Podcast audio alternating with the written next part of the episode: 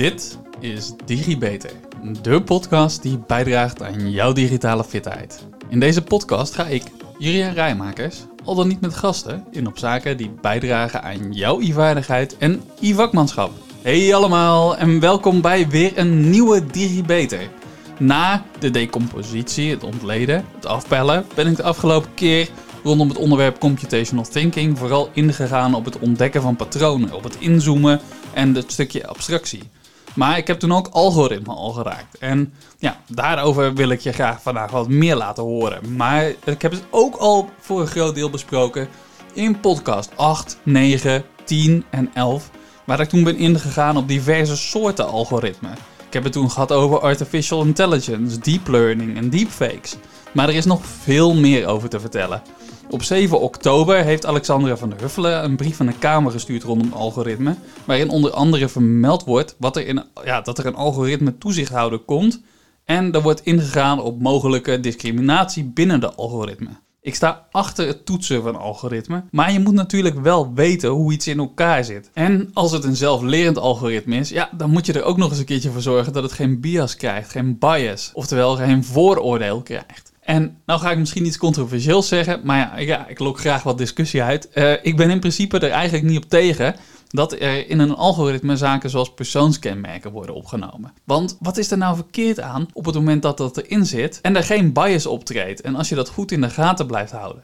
En helemaal als je nou ook nog een keer toevoegt een menselijke weging in het proces en je eerlijk en open en transparant bent over dat algoritme, hoe het tot stand gekomen is, hoe het eruit ziet. En je tot slot ook nog misschien kijkt naar het inrichten van een plaats waar je protest aan kan tekenen tegen de uitkomst van de beslissing uit zo'n algoritme. Ik ga hierover graag in gesprek met je. Maar nu over tot de orde van de dag. Want zoals je hieruit waarschijnlijk al begrepen hebt, dit is het bruggetje naar het topic van algoritme vandaag. We waren bezig met computational thinking en ik wil een plan van aanpak gaan maken om die patronen die ik heb gevonden, om die op te lossen. Het maken van een plan van aanpak, het maken van een algoritme. Door de stappen die gevolgd zouden moeten worden, door die uit te werken, kan ik mijn probleem oplossen, mijn taak uitvoeren. Maar ik kan natuurlijk alleen dat doen op het moment dat het probleem, die taak, echt glashelder is. En daarom hadden we de afgelopen keer al gefilterd, we hadden het al opgedeeld in verschillende onderdelen. En nu is het dus tijd om de oplossing vorm te gaan geven. En om die oplossing vorm te geven heb je diverse manieren van aanpak. En ik ga kijken in de podcast, dat zijn er namelijk twee, hoe ver, ja, hoe ver ik daarmee kan komen. Maar voor je die uitwerking kan gaan doen, voor je tot dat algoritme kan gaan komen, ga ik toch nog eerst weer even een korte recap doen. Wat is nou dat algoritme? Als ik in mijn adresbalk van de internetbrowser, je weet wel Firefox, Chrome of Internet Explorer of vele andere begint te typen, dan wordt er vaak autocomplete toegepast. De browser die begint alvast een beetje te gokken welke websites ik wil gaan zien. En weet je eigenlijk wel hoe dat gebeurt?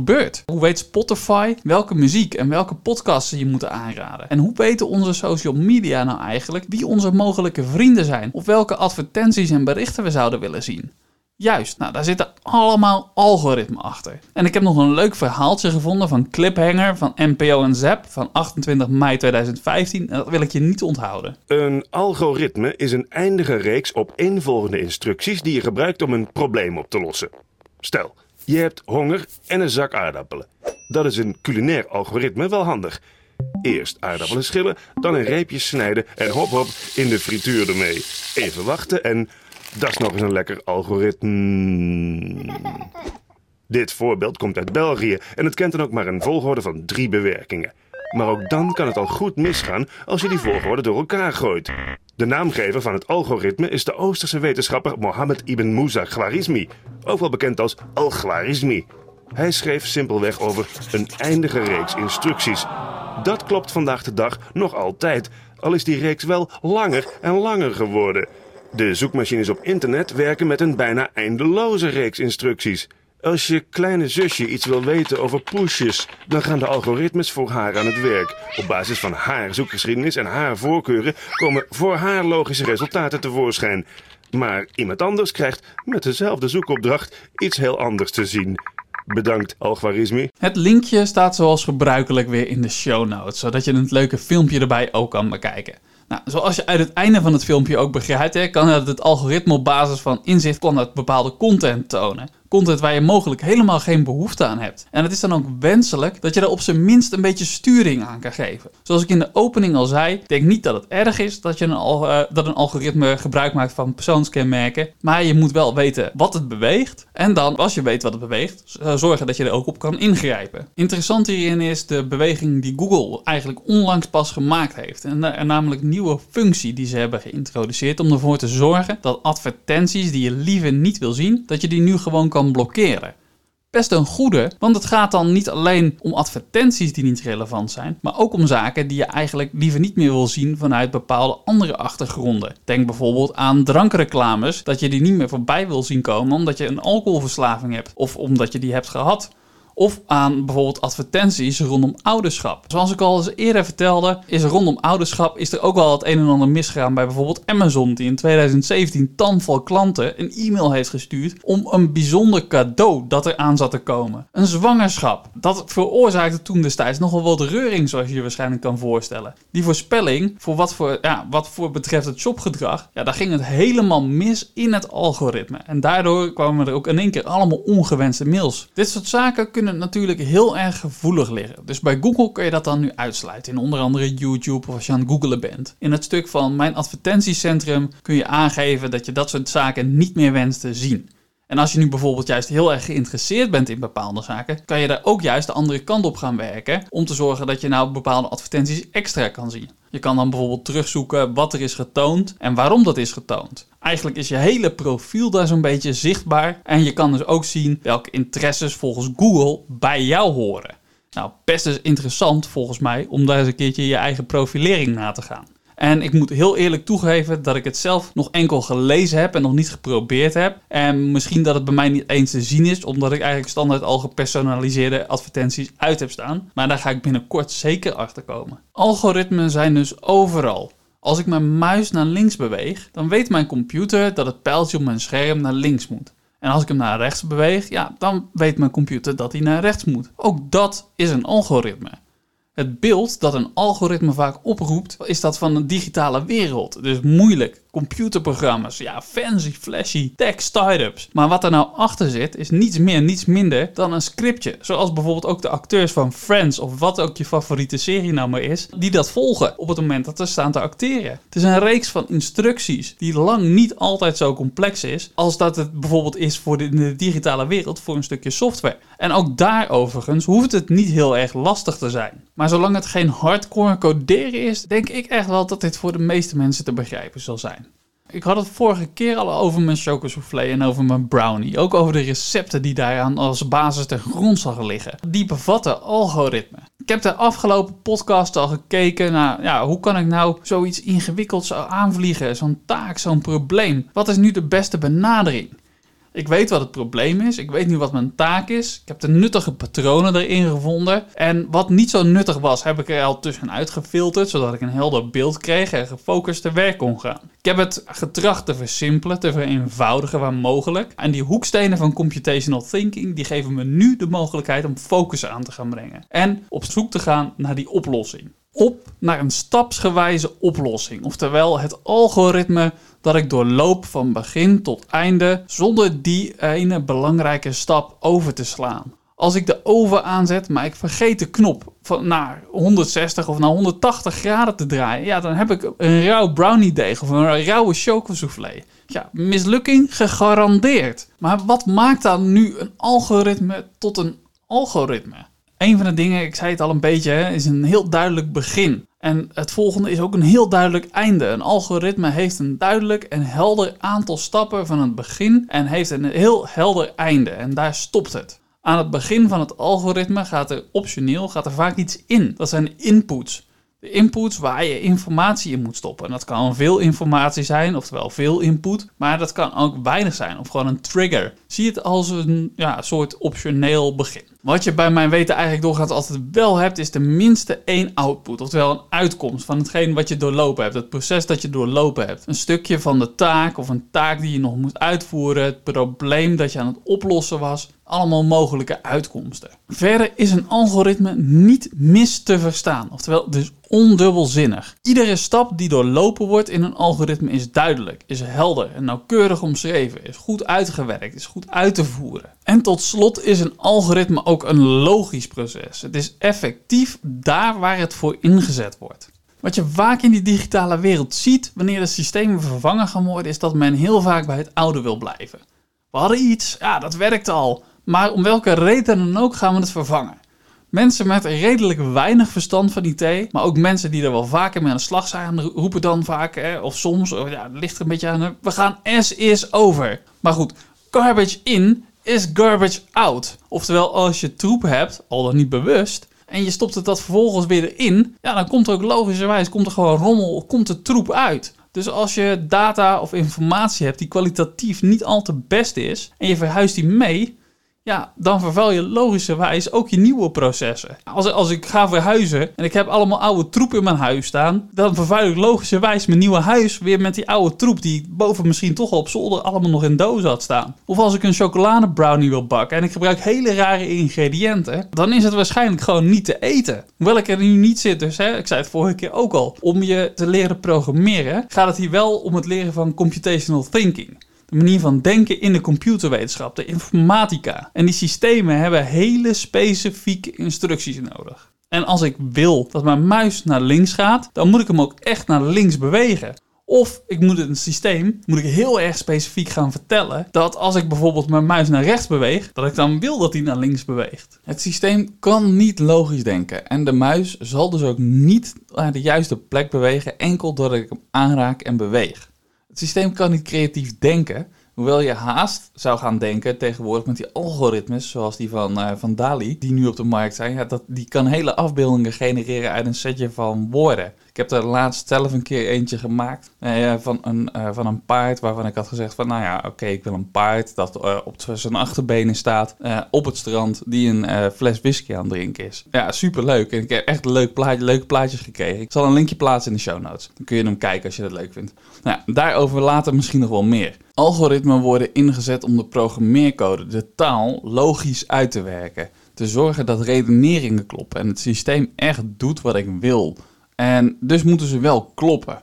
Dus om te komen tot een algoritme is zorgvuldigheid echt heel erg belangrijk. Zorgvuldigheid in de uitwerking van het algoritme. Een van de belangrijke dingen die ik zelf dus vaak ook mensen vraag aan als ik met ze samenwerk, is of ze de werkzaamheden die ze uitvoeren, de processen, duidelijk in beeld hebben. Het liefste heb ik ze uitgewerkt in een stroomschema. Wat doe je nu eigenlijk? Dit is enorm belangrijk om te weten waar je bijvoorbeeld de winst kan halen door bijvoorbeeld automatisering. En een methode om dat te doen is Business Process Model Notation, oftewel BPMN. Een methode waar ik hopelijk, nadat ik ingegaan ben op processen, ook nog een keertje uh, verder dieper op in kan gaan. Nou, daarvoor moet ik er nog wel eens een keer goed over nadenken hoe je dat in een podcast lekker uit kan leggen. Want BPMN is een interessant proces om over na te denken door de en door de ontwikkeling is steeds belangrijker geworden. Maar het is ook complex om daarmee te werken, om het uit te leggen in een podcast. Het denken in processen is dus gewoon ja, steeds belangrijker geworden. Het kijken naar de keten, ketengebeurtenissen van begin tot eind. En dit goed in beeld brengen, dat is weer van belang voor onder andere het herontwerp van dergelijke processen, innovatie, maar ook beheer en planning. Kortom, allemaal gericht op het verbeteren van je processen in de traditionele functies waaruit een organisatie eigenlijk bestaat. Daarover later dus meer. Voor nu hou ik het bij de basis. Waarom je het uitwerken van een algoritme, waarom het uitwerken daarvan in een stroomschema interessant is. Een andere manier om zorgvuldig te werk te gaan is het schrijven in code pseudocode. Nou, ik had je beloofd natuurlijk, hè, niet, we gaan niet programmeren, dus dat doen we ook niet. Dit is dus code en geen codeertaal. Laat ik beginnen met de stroomschema's, dan kom ik zo op die pseudocode. Je hebt er vast wel eens van gehoord van stroomschema's. Een stroomschema is een visuele representatie van een proces. Of hoe je tot een product komt. Ofwel een visuele weergave van jouw proces in een schema. Met daarmee in verband gebracht de input en de output. Een stroomschema is een diagram dat een werkproces of een proces weergeeft. En het kan ook wel worden gedefinieerd als een uh, ja, schematische weergave van een algoritme. ofwel een stapsgewijze oplossing voor het oplossen van een taak of een probleem. Het is hiermee een essentieel onderdeel van het uitwerken van ideeën of implementeren van processen. De procesloop wordt weergegeven met pijltjes en met symbolen. En zoals ik in het begin al zei, ja, een algoritme heeft een duidelijk begin, een duidelijke start, de trigger. En het leidt vervolgens middels een aantal opeenvolgende stappen, activiteiten genaamd, leiden tot een resultaat. Nou, Frank Gilbert, ik denk dat ik het zo moet zeggen, volgens mij is het een Fransman, heeft in 1921 stroomschema's geïntroduceerd. In het begin werden ze vooral nog processtroomdiagrammen genoemd. En ik ben van plan binnenkort dus ook nog een keer een podcast daarover te maken over processen, omdat die heel erg belangrijk zijn in de digitale wereld. En je moet ze dus ook kunnen lezen en misschien ook wel kunnen maken. Daarvan, ja, het, het helpt je ook gewoon heel erg goed bij het begrijpen van digitale vaardigheden. Stroomschema's kan je ook wel zien als een grafische, uh, minder ruimte-innemend alternatief. Of als je het mij vraagt, een goede aanvulling op de pseudocode waar ik zo meteen nog op zal komen. Een stroomschema heeft echt vele voordelen. Nou ja, maar twee daarvan van die voordelen zijn dat gebreken en knelpunten die worden snel duidelijk. Visualisatie is voor ons als mens namelijk heel erg belangrijk. Als ik zelf wat probeer te vertellen aan mensen, ja, dan proberen mensen zich dat voor te stellen. En dat maakt het ook lastig om een podcast te maken. Het maakt een podcast een moeilijk medium om zaken uit te leggen. Ik doe mijn best daarom om het ook wel gewoon zoveel mogelijk visueel te schetsen. Een stroomschema daarentegen maakt het wel. Hè? Dat maakt je patroon, je stappenplan, maakt dat inzichtelijk. Het is een visuele weergave. Afhankelijk van je problemen kun je in een stroomschema zelfs verschillende oplossingen gaan weergeven. Alleen alles visueel, ja, soms laat het toch wel wat ruimte voor verbeelding. En daarom verdient het ook wel, uh, ja, is het ook wel van belang om een goede procesbeschrijving te hebben. Zodat je ook weet wat er gedaan moet worden. Nou, ik ga proberen je een visueel voorbeeld te schetsen van een stroomschema. Dus uh, denk even met me mee terwijl ik aan het praten ben. Uh, afhankelijk van de methode worden overigens andere symbolen gebruikt. Hè, want je hebt verschillende methodes, zoals ik net al zei. Goed, we gaan starten met een ovaal. Die ovaal schetst mijn trigger, de input. We gaan even terug naar mijn dagelijkse self-care routine van het opstaan. Mijn alarm gaat af, maar mijn licht heeft de ochtendzon niet gesimuleerd. Mijn trigger is dat de lamp dus niet... Ja, de lamp die doet het nu niet. Nou krijg ik een beslismoment. En dat beslismoment is een ruitje, ook wel een diamant. En dat beslismoment bevat uh, een checkpunt. Namelijk, wordt de lamp wel voorzien van stroom? Nou, een van de afslagen vanuit dat checkpunt, een pijltje naar nee, ja, dan kan de actie die daarop volgt, oftewel de volgende processtap, zijn een langwerpig blokje met daarin uh, de check van, nou, zit de stroom op de stoppenkast er wel op? Nou, ik ga hem even niet verder uitbouwen, maar ja, daarna zou je bijvoorbeeld weer terug kunnen gaan naar of de lamp wel stroom krijgt en de beslissingsruit is het antwoord nu ja. Dan krijg je een pijl naar nou, volgende beslissingsruit, namelijk eh, controleren of je peertje het uh, wel doet. Hè. Het lampje, is mijn lampje kapot? Is het antwoord ja. Nou, dan krijg je misschien wel weer een pijltje naar de volgende actie. Uh, een processtap met een langwerpig blokje met vervangend peertje. Is het antwoord nee, dan zou de actie kunnen zijn dat je de hele lamparmatuur moet vervangen. Nou, ik hoop dat ik je ook met dat laatste gebrabbel samen een beetje een, een beeld heb kunnen schetsen. Ik heb in ieder geval zelf uh, het licht nog niet gezien. En voor mij voor mezelf vastgesteld dat om een business process model notation uit te leggen. ja, dat, zodat je niet na vijf minuten afhaakt dat ik toch nog wel eens heel goed moet gaan nadenken hoe je dat zou willen doen in een podcast. Maar wat ik hier in het voorbeeld zo net gedaan heb, ja, dat is dus eigenlijk het probleem van mijn defecte lamp. Dat heb ik ontleed. Ik ben het gaan afpellen. En dat had ik overigens best een stuk verder kunnen doen natuurlijk. Maar dat was dus waarschijnlijk gewoon echt wel saai geworden. Je kan lamp ontleden in het lichtknopje, in de stekker, de stoppenkast, de bedrading, het peertje, het armatuur. Dat zijn allemaal elementen die je dan vervolgens in dat stroomschema kan stoppen. En zo kun je al die losse problemen kun je gerangschikt terug laten komen. En dan kun je ook weer een laagje dieper, want als ik kijk naar de bedrading, ja, dan heb ik de draad van de stoppenkast naar het lichtknopje, de draad van het lichtknopje naar de lamp, misschien nog een ander lichtknopje naar de lamp, want het is een hotelschakelaar. Ja, en zo had je dus een laag dieper onder het stroomschema, had je weer een, uh, een subschema kunnen aanleggen. Het stroomschema helpt mij dus met het vereenvoudigen van mijn probleem. En doordat ik het nu visueel heb, is het een stuk tastbaarder en een stuk bruikbaarder geworden. Een volgende keer dat het nou weer gebeurt en dat mijn lamp weer kapot gaat, ja, dan hoef ik niet weer alles opnieuw uit te denken. Of als ik hetzelfde probleem heb op een andere plaats, dan kan ik elementen uit, deze, uit het stroomschema kan ik zo weer gebruiken. Welk algoritme je ook uitvoert, welke taak je ook doet, welk probleem je ook oplost. Ik hoop dat je nu snapt dat deze manier van procesdenken, dit algoritmisch computational thinking en het hebben van een dergelijk stroomschema, je kan helpen een stuk efficiënter te werken. Zodat je prestaties van jezelf, maar ook van je team, dat je die ermee een boost kan geven. Nou, dan had ik voor mezelf nog opgeschreven dat ik het wilde hebben over uh, pseudocode. Ik had je nog beloofd om een stukje pseudocode in te gaan, want stroomschema's zijn leuk, maar ze kunnen soms wel wat verduidelijking gebruiken. En ja, het is ook wel leuk als er herhaling in zit, hè, zoals in het refrein van vorige week, als ik dat liedje helemaal uitwerk in een stroomschema, ja, dat wordt dan wel wat druk en rommelig. Daarom hebben we pseudocode als alternatief om instructies eenvoudig regel voor regel op te kunnen schrijven. Het lijkt ermee een beetje op coderen, maar het is het niet. Daarom noem je het ook wel pseudocode. Je hebt niet dezelfde regels. Of, als dit is tenslotte Digibeta, de Digibeta podcast. Dus daar hebben we het misschien bij uh, coderen heb je het niet over de regels, maar heb je het over syntaxes. Uh, maar goed, het even een zijstapje. Nou, die, je hebt dus niet dezelfde regels die je gebruikt voor het programmeren, niet dezelfde syntaxes. Maar we hebben wel variabelen waar ik het in de vorige podcast over had. Hè? Sleutelwoorden, zoals bijvoorbeeld het woord refrein. Nou, en ik noemde zojuist pseudocode als alternatief voor het stroomschema, maar ik zie het zelf dus liever als een verduidelijking, een toelichting, een aanvulling. Ik zei het al eerder, wij als mensen zijn visueel ingesteld. Dus een stroomschema werkt daarmee dus vaak ja, een stuk sneller bij het bespreken. Het verdient soms, ja, zo'n stroomschema hè, verdient soms wel een nadere toelichting. Pseudocode is overigens wel een zeer leuke vaardigheid om te oefenen. Want als je ooit wilt gaan programmeren of met een programmeur wilt samenwerken, dan doorzie je de manier van werken van zo'n programmeur een stuk sneller. Pseudocode helpt je ook om fouten te vermijden. Dus als ik dat refrein telkens uit zou moeten schrijven, dan is de kans op een typfoutje natuurlijk een stuk groter dan als ik het maar één keer hoef uit te werken.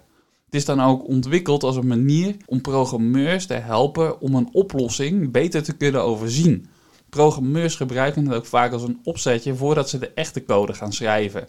Maar het wordt ook geregeld ingezet om bijvoorbeeld een stukje code uit te leggen aan andere mensen. En het is ook erg praktisch om bijvoorbeeld eh, toe te passen in documentatie. Nou, ik had het zo net ook al even over de regels, de syntaxes. Pseudocode heeft niet dezelfde regels als programmeren. En dat geeft, ja, geeft heel erg veel vrijheid. Dat maakt ook dat het niet overal door iedereen op dezelfde manier gedaan wordt. Maar om die reden gaat het natuurlijk ook precies niet werken als een echte programmeertaal. Het is aan te raden, daarom als je pseudocode wel wil gaan inzetten, het doel duidelijk te omschrijven. Waarom maak je nou die pseudocode? Je moet er ook niet te veel technische termen doorheen gaan gooien, want uiteindelijk wil je dat als je die pseudocode geschreven hebt, net als met het stroomschema, dat iedereen het moet kunnen begrijpen. Je moet het daarom ook niet te veel laten lijken op echte computercode. Dat betekent dus, in computercode worden heel veel puntkomma's gebruikt. Ja, die moet je er gewoon eigenlijk vermijden. Ehm, de instructies van de pseudocode moeten dan ook zo uitgeschreven staan dat ze wel in de goede volgorde staan. Hoe echte code ook is. Het moet wel leesbaar zijn en je kan voor die leesbaarheid ook wel gebruik maken van, het van, van inspringregels, dus tapjes. Er zijn dus best wel een paar dingen die gelijk zijn aan gewone computercode. Dus ja, die .komma die moest je dus vermijden. Maar ja, je schrijft het wel uit in de juiste volgorde zoals je het doet met code. Je gebruikt wel vaak die inspringregels. Dat doen programmeurs ook voor een stukje structuur. En het is dan ook goed om bij programmeerstructuren rekening te houden met uh, zaken, structuren die ze in andere normale programmeertalen ook gebruiken. Structuren zoals if-else, als dan, of een for loop. Een, een loopje dat ervoor zorgt dat je bepaalde code in repeat uitgevoerd wordt. Nou ja, dat als voorbeelden. En uiteraard is ook hè, precisie. Ik zei het net met het stroomschema ook al volgens mij. precisie. Check, check, double check alles duidelijk. dat het ook zo duidelijk mogelijk is voor de grootste leek. Iedereen moet het kunnen begrijpen. Alle instructies, alle stappen uit je algoritme moeten helemaal tot in de puntjes zijn uitgewerkt. In tegenstelling tot de vormen, de pijlen uit het stroomschema die ik net gehad heb. Hè, die, die ovaal, die uh, diamant, hè, die ruit, uh, dat, uh, dat rechthoek. Heb je in de pseudocode heb je sleutelwoorden, sleutelvariabelen. Die sleutelwoorden zijn doorgaans in het Engels. Zojuist heb ik ze dus even voor je vertaald, hè, met het if-else. Maar ze worden in principe gegeven in het Engels. En dus ik zal ze zo ook even vertellen in het Engels. En uh, de gegeven instructies, op het moment dat je ermee bezig gaat, dus als je pseudocode gaat uitwerken, dan doe je dat in hoofdletters. Nou, bekende sleutelwoorden die gebruikt worden in het uitwerken van pseudocode zijn input. dus input met hoofdletters. Nou, die heb je dan, uh, ja, zoals ik al zei, hè, dat is het begin van het ding. Dus die heb je tenslotte, zoals ik al eerder zei, vaak nodig om echt een stukje af te trappen, om iets te beginnen. Nou, dan heb je de output, hè? ook weer output, hoofdletters. Nou, dat is natuurlijk het eindresultaat van die hele reeks met instructies die je gegeven hebt. Nou, tussendoor kun je nog dingen doen als uh, store of save. Uh, dat is de opdracht om iets op te slaan. Dus wat je in Office nog steeds, eh, grappig genoeg, met dat, uh, met als je kijkt boven in Microsoft Office, dan zie je daar een, een floppy disk. Nou, ik ben benieuwd hoeveel van de luisteraars überhaupt het symbooltje nog herkennen als een floppy disk. maar ja, de, de, de store, de saved, is dus de opdracht om iets op te slaan. En dan heb ik de volgende, dat is de if. De if is, nou, als er iets gebeurt, if. En dan krijgen we then, dan doe je dat. En dan heb je weer een volgende, dat is namelijk else. Als er namelijk niet iets is dat ja, gebeurt, dan else, dan ga dat doen. Dus ik merk dat ik dit zeg, dat ik, ja, misschien moet ik het wat vereenvoudigen. Laat ik hem zo zeggen. Als A gebeurt, doe dan B. Zo niet, doe dan C. Dus if, then, else. En dan hebben we natuurlijk nog stop en end. Nou, en dat is eigenlijk het einde van je algoritme, dus van je pseudocode. En dan is het ook wel een mooi moment om richting het einde van de podcast om daar naartoe te werken. Het komt nog een klein beetje, want ik moet nog één ding toelichten. Ik heb nou, volgens mij ook, hè, ondanks dat pseudocode niet heel veel vastheid kent, wat ik net al zei, toch wel enige afspraken voor je geschetst. Nou, naast de sleutelwaarden die ik dus zojuist genoemd heb, ben ik dus nog één ding vergeten en dat zijn de variabelen zoals ik vorige keer al zei, de waarden, de data, die kunnen veranderen in het geheel. In de pseudocode schrijven die variabelen vaak met kleine letters. Duidelijke, eenvoudige pseudocode kan hiermee een groot verschil maken, ook in hoe je je problemen oplost. Het kan je helpen met foutjes in je logica op te sporen en het kan je ook een idee geven of je oplossing misschien wel zal gaan werken het zal echt, ja, het echt zeker weten doe je natuurlijk maar op één manier. En dat is testen, testen en nog meer testen. En met testen kom je natuurlijk ook weer foutjes tegen. En die foutjes moet je dan debuggen, moet je de rommel eruit halen. Het testen, testmanagement is ook weer een vak apart. Iets ook weer in de informatica. En ook dat is iets voor volgende podcasts. En daarvoor zal ik volgende keer ook gewoon alvast een kleine basis gaan leggen. Want het ontdoen van fouten, ja, dat is gewoon wel zeer belangrijk. Maar waarom is het nou zo belangrijk? Nou, waarschijnlijk als je de hele podcastserie luistert, dan weet je inmiddels vast wel al waarom het eh, belangrijk kan zijn. Bijvoorbeeld foutjes rondom het algoritme-register. Ja, dat zijn toch wel dingen om over na te denken. Vandaag ben ik nog maar een keer opvolgend ingegaan op wat nu een algoritme is. Maar ook een beetje in uh, ja, hoe kun je nu zelf tot zo'n algoritme komen door het uitdenken en het uitwerken van je gevonden patroon, van die taak. Dat probleem in een stroomschema stoppen of met pseudocode uitwerken. Je hoeft er dus helemaal niet voor te kunnen programmeren. Maar je bent ja, wel jezelf een beetje aan het helpen om het aan de IT uit te kunnen leggen. Als je bepaalde delen van je proces of hele processen of hele problemen wilt automatiseren. Of uh, als je het bijvoorbeeld in een brainstorm kan dat natuurlijk ook fantastisch goed werken om te komen tot de oplossing van je probleem. Of om ja, je taak beter uit te werken, in taken beter inzichtelijk te maken. En er zijn nog veel meer oplossingen. Ik hoop dat je een beetje aan het denken bent gegaan hierover. En uh, over het uitwerken van processen in stroomschema's. Wat dat voor baat voor je kan hebben. En zoals ik al zei, ja, over die processen, die stroomschema's in latere podcasts sowieso nog wel een keertje meer. Voor nu, dank voor het luisteren. Tot de volgende keer. Tot de volgende DigiBeter. Vond je dit nu een leuke uitzending en wil je meer weten? Abonneer je dan op de podcast door op volgen te klikken het duimpje omhoog en geef een beoordeling van bijvoorbeeld 5 sterren, zodat nog meer mensen deze podcast kunnen vinden. Wil je collega's, vrienden, familie, zoals je opa of oma, net zoveel plezier doen en ze digitaal fitter krijgen? Deel dan de podcast. En zo worden we samen allemaal digitaal. Heb je een vraag over wat er verteld is in de podcast? Een bepaald onderwerp dat je graag terug zou willen horen? Of wil je gewoon laten weten dat je erg van de podcast genoten hebt? Je kan mij feedback geven en vragen stellen via LinkedIn. Zoek dan even naar Juriaan Rijmakers. Hoe dan ook, na deze podcast ben je weer een beetje digifitter. Tot de volgende keer, tot de volgende DigiBeter.